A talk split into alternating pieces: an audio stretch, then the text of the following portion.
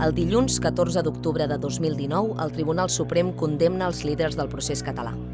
En total, 100 anys de presó pels delictes de sedició i malversació.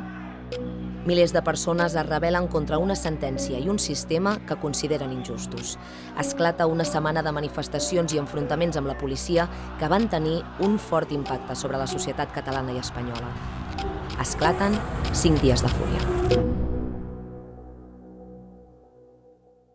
Hola, sóc la Laura Aznar, periodista de Crític, i esteu escoltant 5 dies de fúria, una sèrie de podcast sobre les protestes contra la sentència del procés. Som a dimarts 15 d'octubre. Catalunya es desperta amb la ressaca de tot el que havia passat el dia anterior a l'aeroport del Prat. Només han passat 24 hores des de la publicació de la sentència i ja hi ha més de 100 ferits per l'actuació policial. Els primers detinguts comencen a passar per la comissaria. La batalla, però, no només es lliuraria als carrers, també als mitjans de comunicació i en l'opinió pública. Comença la criminalització de la protesta. El Estado social y democrático de derecho no puede ceder al impulso de la exaltación y que nadie tenga la menor duda. No habrá ningún espacio para la impunidad. Vull fer una crida a la calma, a la serenitat i al civisme. S'han produït imatges i situacions que no ens han agradat a ningú. L'interès absolut del Departament d'Interior per corregir també aquestes actuacions, aquestes possibles actuacions. La utilización tanto del FOAM como de las pelotas de goma actualmente deben de ser previamente autorizadas por el centro de coordinación establecido.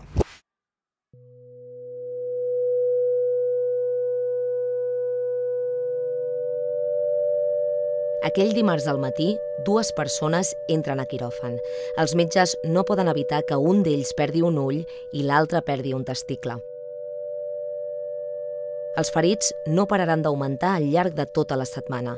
Els governs espanyol i català justificaran l'actuació policial assenyalant els manifestants com a responsables de la violència. En un principi, disparen contra els joves.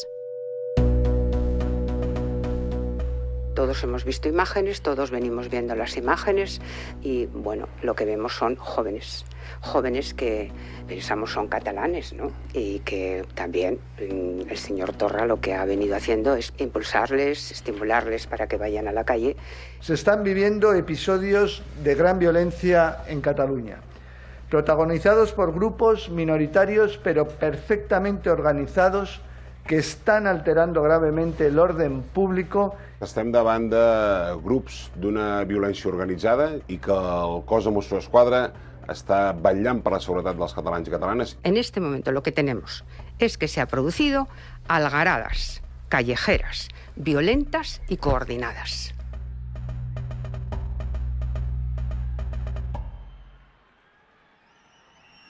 La policia i alguns polítics parlen de radicals i violents. Però quins eren els motius dels que estaven a la primera línia? Hem parlat amb tres joves que aquella setmana van decidir mobilitzar-se perquè ens expliquin les seves raons, com ho van viure i què van sentir. Mira, pel que fa jo concretament i el meu entorn, realment acostumem a mobilitzar-nos sempre per causes antirepressives i de retallades de llibertats de drets.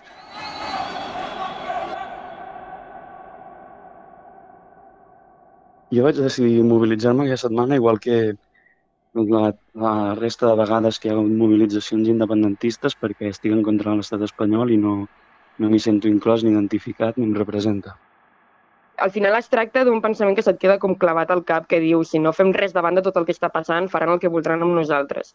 I es va crear un subjecte de, de ràbia, de protesta i de resposta i per allà s'hi van canalitzar moltes més coses. Va ser com un, un punt culminant del, del que havia sigut el, el procés independentista i es va veure que, o sigui, s'havia esgotat com una via que, que, havia, que havia mantingut un, un cert optimisme, una certa esperança fins, a, fins a aquell punt. En haver-se esgotat aquesta via, doncs ja el, el que quedava era una mica més el, el, el descontentament. Que com no veig cap tipus de sortida a llarg termini que sigui beneficiosa per mi i el meu entorn, mm, acaba doncs, esclatant d'alguna manera i es concreta en ràbia que no està molt ben organitzada, perquè el tema és que no hi havia cap objectiu a mitjà a llarg termini.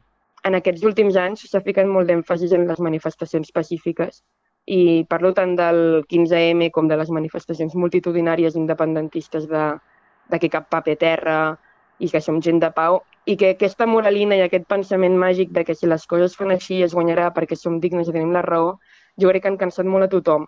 Fins i tot hi ha hagut manifestacions els últims anys que en comptes de fer-te sentir poderosa t'han fet sentir dèbil i ridícula, fins i tot.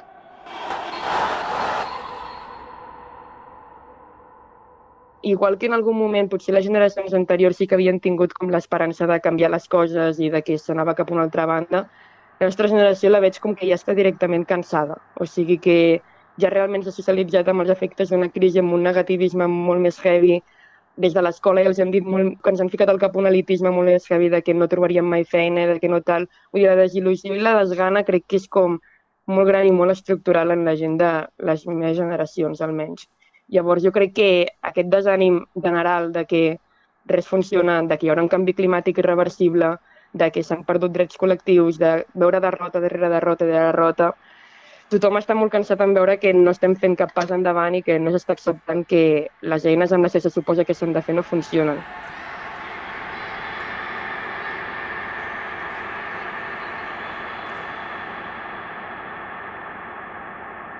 Per què creus que la gent o sobretot el jovent sortir al carrer aquells dies?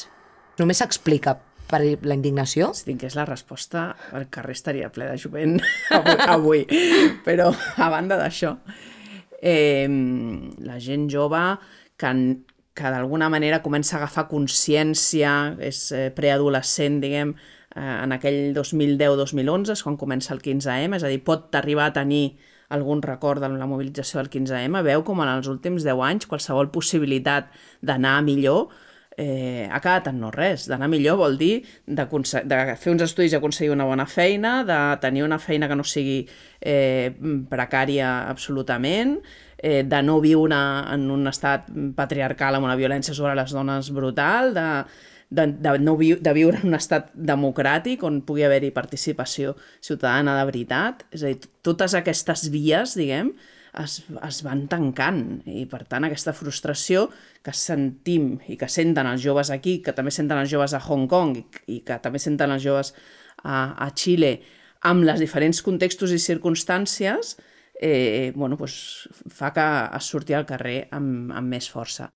Es decir, no solamente se impugna la unidad de España, sino que se impugna una élite económica, un orden económico que nos trae ruina y ahora mismo, después de la crisis del coronavirus, se va a ver mucho más que nunca que este movimiento eh, es un movimiento de hartazgo y que también tiene un componente generacional. Vemos que hay una generación millennial que se va a comer dos grandes crisis en muy poco tiempo, que eh, en términos laborales está prácticamente en la ruina, que en términos de precariedad laboral tiene mucho de lo que eh, quejarse y protestar y hay que verlo también en esas claves, no? El poble en aquest sentit es va com revelar de forma molt, molt, molt exagerada o bèstia, o digue-li com de manera que es van construir tota una sèrie de, de moviments al carrer que fins llavors, com a mínim amb aquesta virulència, no s'havien no viscut. No? I jo crec que això va sorprendre a tothom, tant a nivell mediàtic com, evidentment, a nivell policial i a nivell institucional. I va ser la sensació aquella de si la gent tira pel seu compte i no té uh, com un paraigua que l'agrupi a nivell polític, mmm, això pot tenir unes conseqüències imprevisibles, no? I jo crec que això va fer molta por a tothom i crec que és una mateixa por que hi va haver l'1 d'octubre. És a dir, al final, per mi, el fil conductor que hi podria haver-hi en tot plegat no és tant la criminalització d'una protesta, que es va veure reflectida a la sentència, sinó que el poble o la gent unida i organitzada, autoorganitzada, aconseguia arribar a on volgués. També una reacció molt forta, políticament, una reacció molt forta al ni un paper a la terra. O sigui, és a dir, si fem una altra mani de superbonica, amb una performance maca, amb un mosaic blau i no sé què i tal, se'ns pixen a la boca.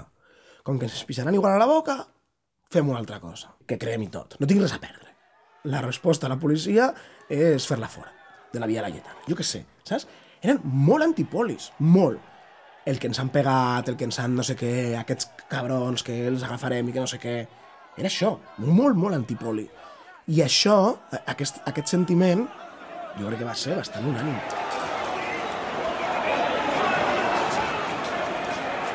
El dimarts 15 d'octubre, les protestes s'extenen per tot el territori català, amb talls de carreteres, identificacions i càrregues policials. Al vespre es convoquen manifestacions en diverses ciutats. Les més multitudinàries es produeixen davant de les delegacions del govern espanyol a les quatre capitals catalanes.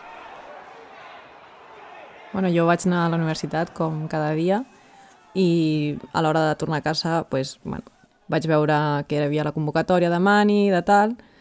Eh, bueno, jo, de fet, no sóc independentista, no participo en cap mm, moviment independentista, eh, però sí, bueno, la sentència em va semblar super injusta i sobretot això perquè pot servir de precedent per eh, judicis següents, que serien penes eh, molt més heavies que les que han estat fins ara i, i bueno, vaig... L'Andrea té 21 anys i estudia enginyeria química. Combina els seus estudis amb la seva feina en una gelateria al centre de Sabadell. No milita en cap partit, tot i que és molt propera a la plataforma d'afectats per la hipoteca i als moviments pel dret a l'habitatge.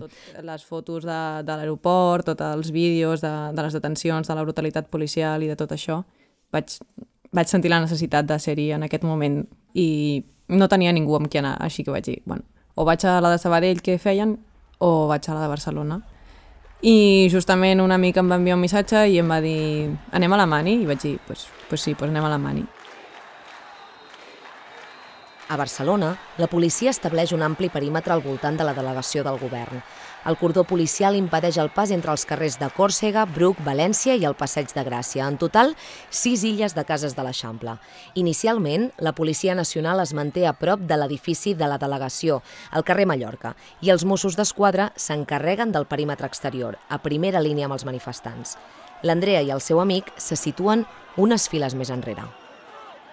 I vam arribar fins al carrer Mallorca, estàvem allà, hi havia moltíssima gent, eh, era estava com molt tens, molt carregat l'ambient, tota l'estona empantant cap a un costat i cap a l'altre, eh, molt moguda.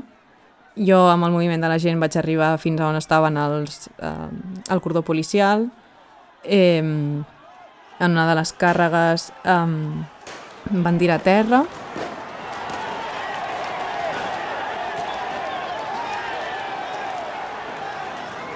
I em van agafar entre dos, em van arrossegar, no sé, 5-10 metres pel terra, fins a haver passat el, el cordó policial per la banda dels policies. En un dels moments em van tractar en masculí, jo li vaig dir que era una noia, i em va dir, pues quién lo diria? I, i bueno, em va estampar contra el furgón, li va donar molta ràbia, um, em va estirar al terra mentre em trepitjava la cara amb el genoll, eh, em van manillar en aquell moment,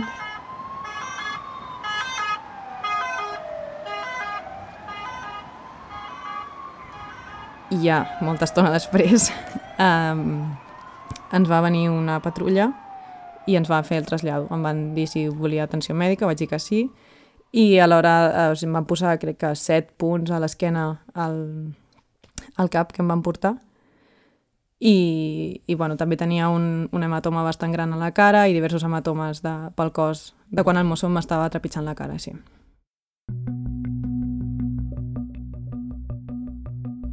L'atestat policial acusa l'Andrea de desordres públics, atemptat contra l'autoritat i danys.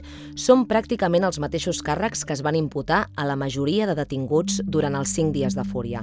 Les acusacions es basen en la declaració de dos Mossos com a únics testimonis que afirmen que l'Andrea els va causar lesions. Primer, amb el llançament d'una pedra. Després, resistint-se a la detenció amb un cop de peu al turmell del policia. Diversos manifestants com l'Andrea passen aquella nit al calabós. I res, vaig entrar al, al calabozo on hi havia una altra noia que després vaig estar parlant i era carterista. I, bueno, a més era el calabozo de les Corts, que no funciona el vàter, i hi havia un reguero de les coses que surten del vàter per tot el calabozo. Llavors jo em vaig passar les hores comptant les taques del sostre, um, comptava les rajoles del terra, eh, de vegades em derrompava, em recolzava en una paret i em posava a plorar imaginant-me tot el que podia passar i com estaria la meva família i què pensarien de mi i, i mare meva, on m'havia ficat i, i bueno, em culpava a mi mateixa, no? Però per què vas decidir anar-hi a la mani? Si, bueno, bueno, bueno... I, bueno, es presentaven masses escenaris en el meu cap, però cap d'ells era la presó. O sigui, jo estava pensant, vale, no sé quina hora serà, però jo a les 4 ja està treballant. Vale, li diré a ma mare que em porti la roba i ja vaig directe al treball i quan surti d'aquí... O sigui, tota l'estona el, el meu... La meva preocupació era poder arribar a treballar aquella tarda perquè ho estava... O sigui, era com la cosa que havia de fer. Ni aquella tarda ni les que vindrien. L'Andrea es va convertir en una de les primeres persones que va ingressar a presó per les protestes d'aquella setmana d'octubre. El jutge va decretar presó provisional sense fiança. La van traslladar al centre penitenciari de Batràs, on va estar reclosa durant un mes. I en el moment això que em van venir a buscar, van venir dos policies, um, un d'ells obria i em deia «Venga, que nos vamos». I jo li vaig dir «A casa?» I el de darrere, eh, mentre reia, eh, va dir no, a la càrcel, jaja, o una cosa així. I jo li vaig dir, però és de broma. Jo no m'ho havia ni imaginat, no?, anar a la presó per, per estar en una mani. Vamos a aplicar al independentismo violento el Código Penal con toda contundencia. Actualment, l'Andrea espera l'escrit d'acusació de la Fiscalia. La Generalitat s'ha presentat com a acusació particular en el seu cas. La seva advocada explica que es tracta d'una causa inconsistent, basada només en el testimoni dels dos Mossos. De moment, no s'ha presentat cap altra prova. Tot i així, la defensa preveu unes peticions de pena altes. Durant aquells cinc dies de fúria, un total de 31 persones van acabar privades de llibertat i hi va haver 213 detinguts. La majoria va sortir en llibertat i encara ara esperen judici. Els detinguts i els seus grups de suport parlen de criminalització de la protesta per part del Poder Judicial i d'alguns mitjans de comunicació. Bueno, se ha hablado mucho en Cataluña de la plantilla vasca. y existía la sensación de que todos los métodos represivos y criminalizadores que se han empleado contra el independentismo catalán ya han tenido un precedente en la persecución contra el independentismo vasco. Y es verdad, no hay fórmulas novedosas. Si todo lo que han utilizado en el País Vasco lo vuelven a utilizar en Cataluña es porque en aquel momento funcionó. Van a buscar doncs, també això, no? a temorir a la base, a, Uh, per tant, uh, el que sabem del cert és que l'Estat utilitza tots els seus instruments uh, legals i no legals, legítims i il·legítims, per tal d'intentar aturar un moviment pacífic i democràtic com és el sobiranisme, l'independentisme català. Hay una alianza entre uno, fuerzas policiales, dos, poder judicial, tres, poder político y cuatro, poder mediático, que no tiene ningún escrúpulo en arruinar la vida de personas inocentes con acusaciones falsas, para eh, utilizarlos como chivos expiatorios y para extender esa criminalización a todo el movimiento. Cuando hay acciones en la calle pacíficas y los grandes medios hablan de cale borroca, lo que están utilizando es una plantilla que ya han recreado, según la cual manifestarse en la calle es terrorismo. Preparados perfectamente para la batalla, encapuchados y hasta con cascos de moto, Este grupo de independentistes violentos... Al llarg dels cinc dies de fúria, els mitjans de comunicació utilitzen un enorme arsenal de termes i conceptes per intentar identificar els manifestants. S'omplen titulars i portades amb denominacions com independentistes radicals, infiltrats, provocadors, grups antisistema de tota Europa, grups organitzats amb manuals de disturbis, anarquistes, àcrates o joves apolítics. A mi el que em crida l'atenció sobretot de tot aquest etiquetatge és que mm, hi ha aquesta búsqueda d'un etiquetatge per poder assenyalar, per poder estigmatitzar, per poder reprimir, i d'alguna manera crec que no s'acaba de concretar, o almenys els joves no ens sentim del tot, o sigui, vull dir, apareix el terme independentista, però també apareixen altres com antisistema, anarquistes, àcrates, estudiants, polítics fins i tot, i de, de certa manera es veu com una dificultat, com un esforç que intenten fer per definir el subjecte d'aquelles mobilitzacions i almenys des del meu punt de vista és de dins és com que crec que no se n'acaben de sortir. Cridava molt, cridava molt l'atenció veure o sigui, la, la diferència que hi havia en quan tu estaves al carrer, inclús en un ambient, un entorn de solidaritat, a, a després a com ho veies pel, pel telenotícies. Era, era, bueno, eren dos mons completament diferents i bueno, això es, es podia veure en, en quin costat estava sempre la, la premsa dels mitjans més hegemònics. Tot anava en, en el camí de crear aquest relat de, de criminalització dels joves. I que aquells dies, a més, realment sí que es va conformar un nou subjecte, aquelles nits, encara que els mitjans no hagin sapigut etiquetar-lo, perquè es percebia ja dins una camaraderia col·lectiva i hi havia un sentiment com d'acompanyament. Llavors, molta gent que potser no veia l'entorn militant, però que sí que els unia amb nosaltres un sentiment, doncs també estava allà.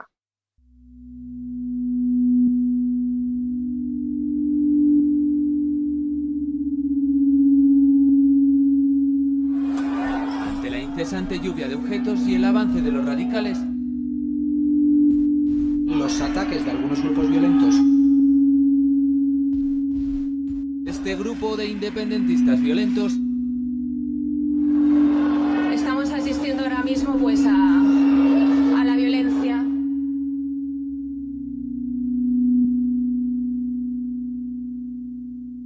Quin objectiu persegueix la- aquesta forma de categoritzar les persones que, que, que protesten? Clar, hi ha, hi, ha, hi ha diverses coses aquí. Eh? Um, sigui, jo, jo, he vist, jo m'he vist reconegut en, algun en algunes d'aquestes etiquetes, no? Grupos radicales, independentistas radicales, infiltrats, provocadors, no?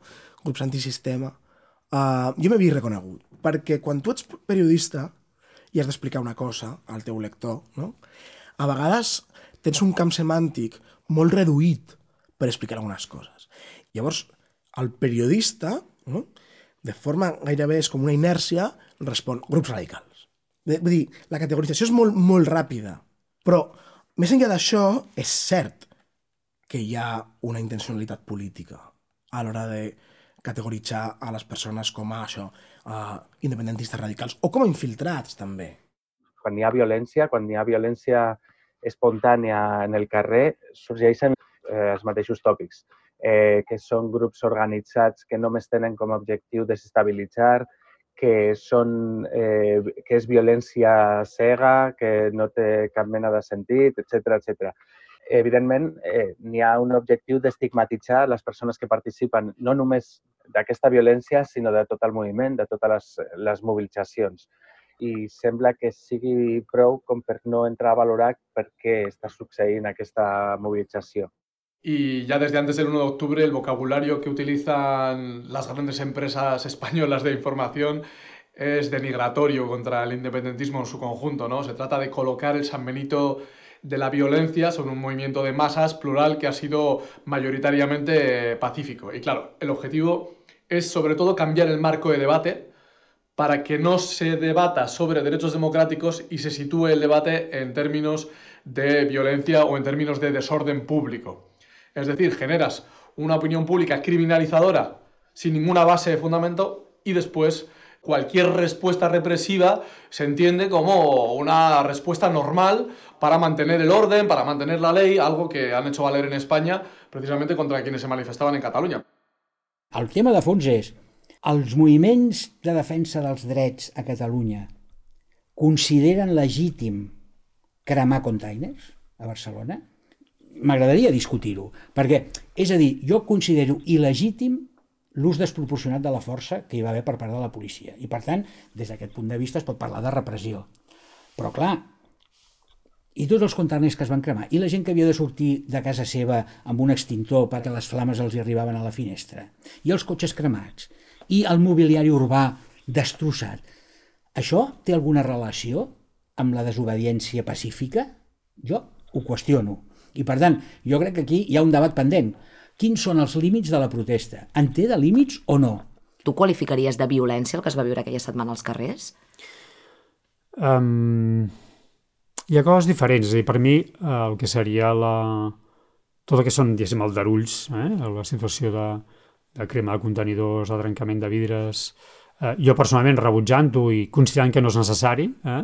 Eh, per mi és clarament diferent el que seria eh, la violència sobre les persones. Jo crec que això és una frontera insalvable. I si barregem aquestes coses, al final, jo crec que ens fem un flac favor. No? Si al final, per dir-ho manera, és tan greu cremar un contenidor com ferir una persona, ostres, doncs eh, fem un salt en el buit molt enorme, no? Eh, però no és res nou, és a dir, si analitzéssim els titulars després de les mobilitzacions contra el Banc Mundial l'any 2001 o els titulars després de les mobilitzacions contra la Unió Europea l'any 2002 o els titulars després de les mobilitzacions X, digamos, tindríem els mateixos, eh, els, els mateixos adjectius, no? El, el, fins i tot els dels infiltrats, els de eh, violentos radicales, los de anarquistas eh, internacionales participando, o sigui, és un, és un continu eh, en aquesta lògica del, dels mitjans de comunicació mainstream de criminalitzar els moviments socials i, i posar pedres a les rodes en aquest procés, diguem, de canvi, no?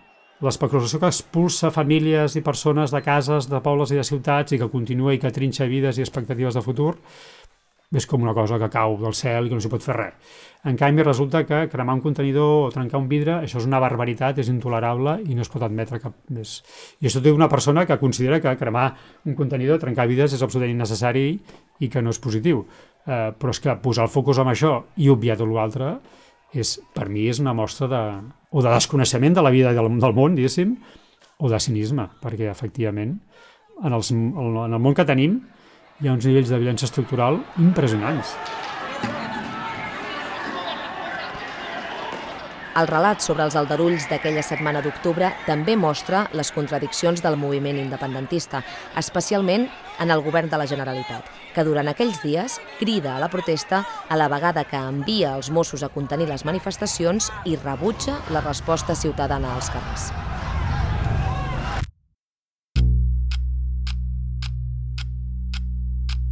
Clar, el mateix, no? l'independentisme, el, el mateix govern, diu, són infiltrats. Aquests no són els meus independentistes.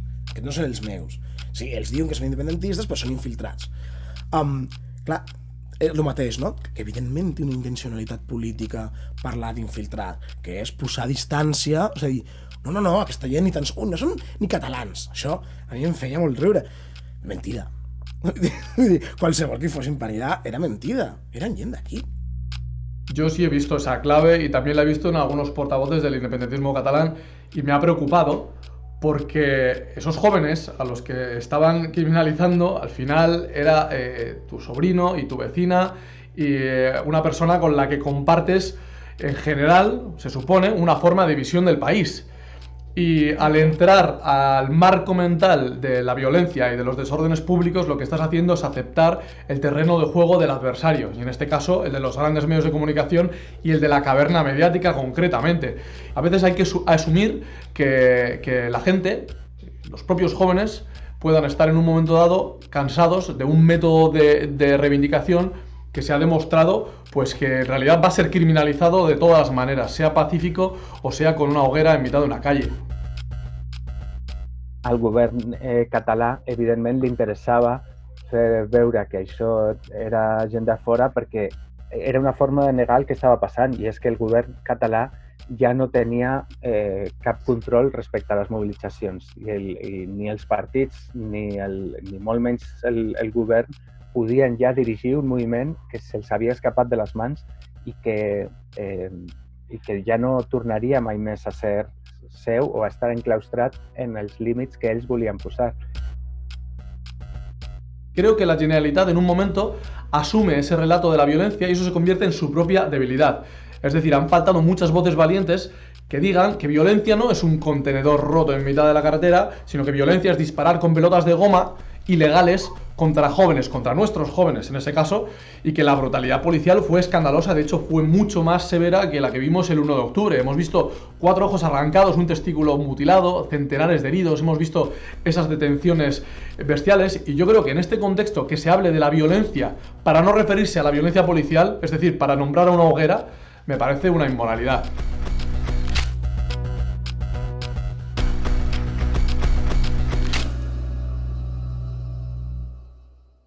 5 dies de fúria, un podcast de crític. En aquest capítol han aparegut Maria, Guillem i Lluís, joves manifestants, Yolanda Fresnillo, sociòloga i activista, Jonathan Martínez, periodista i investigador en comunicació audiovisual, Anna Ponsí, periodista de la cadena SER, Arturo Puente, periodista del diario.es, Andrea, detinguda en la manifestació a la delegació del govern, Ibai Arvide, periodista i advocat, Jaume Bosch, exdiputat d'ICB i expert en seguretat pública. Jordi Armadans, director de Fundipau,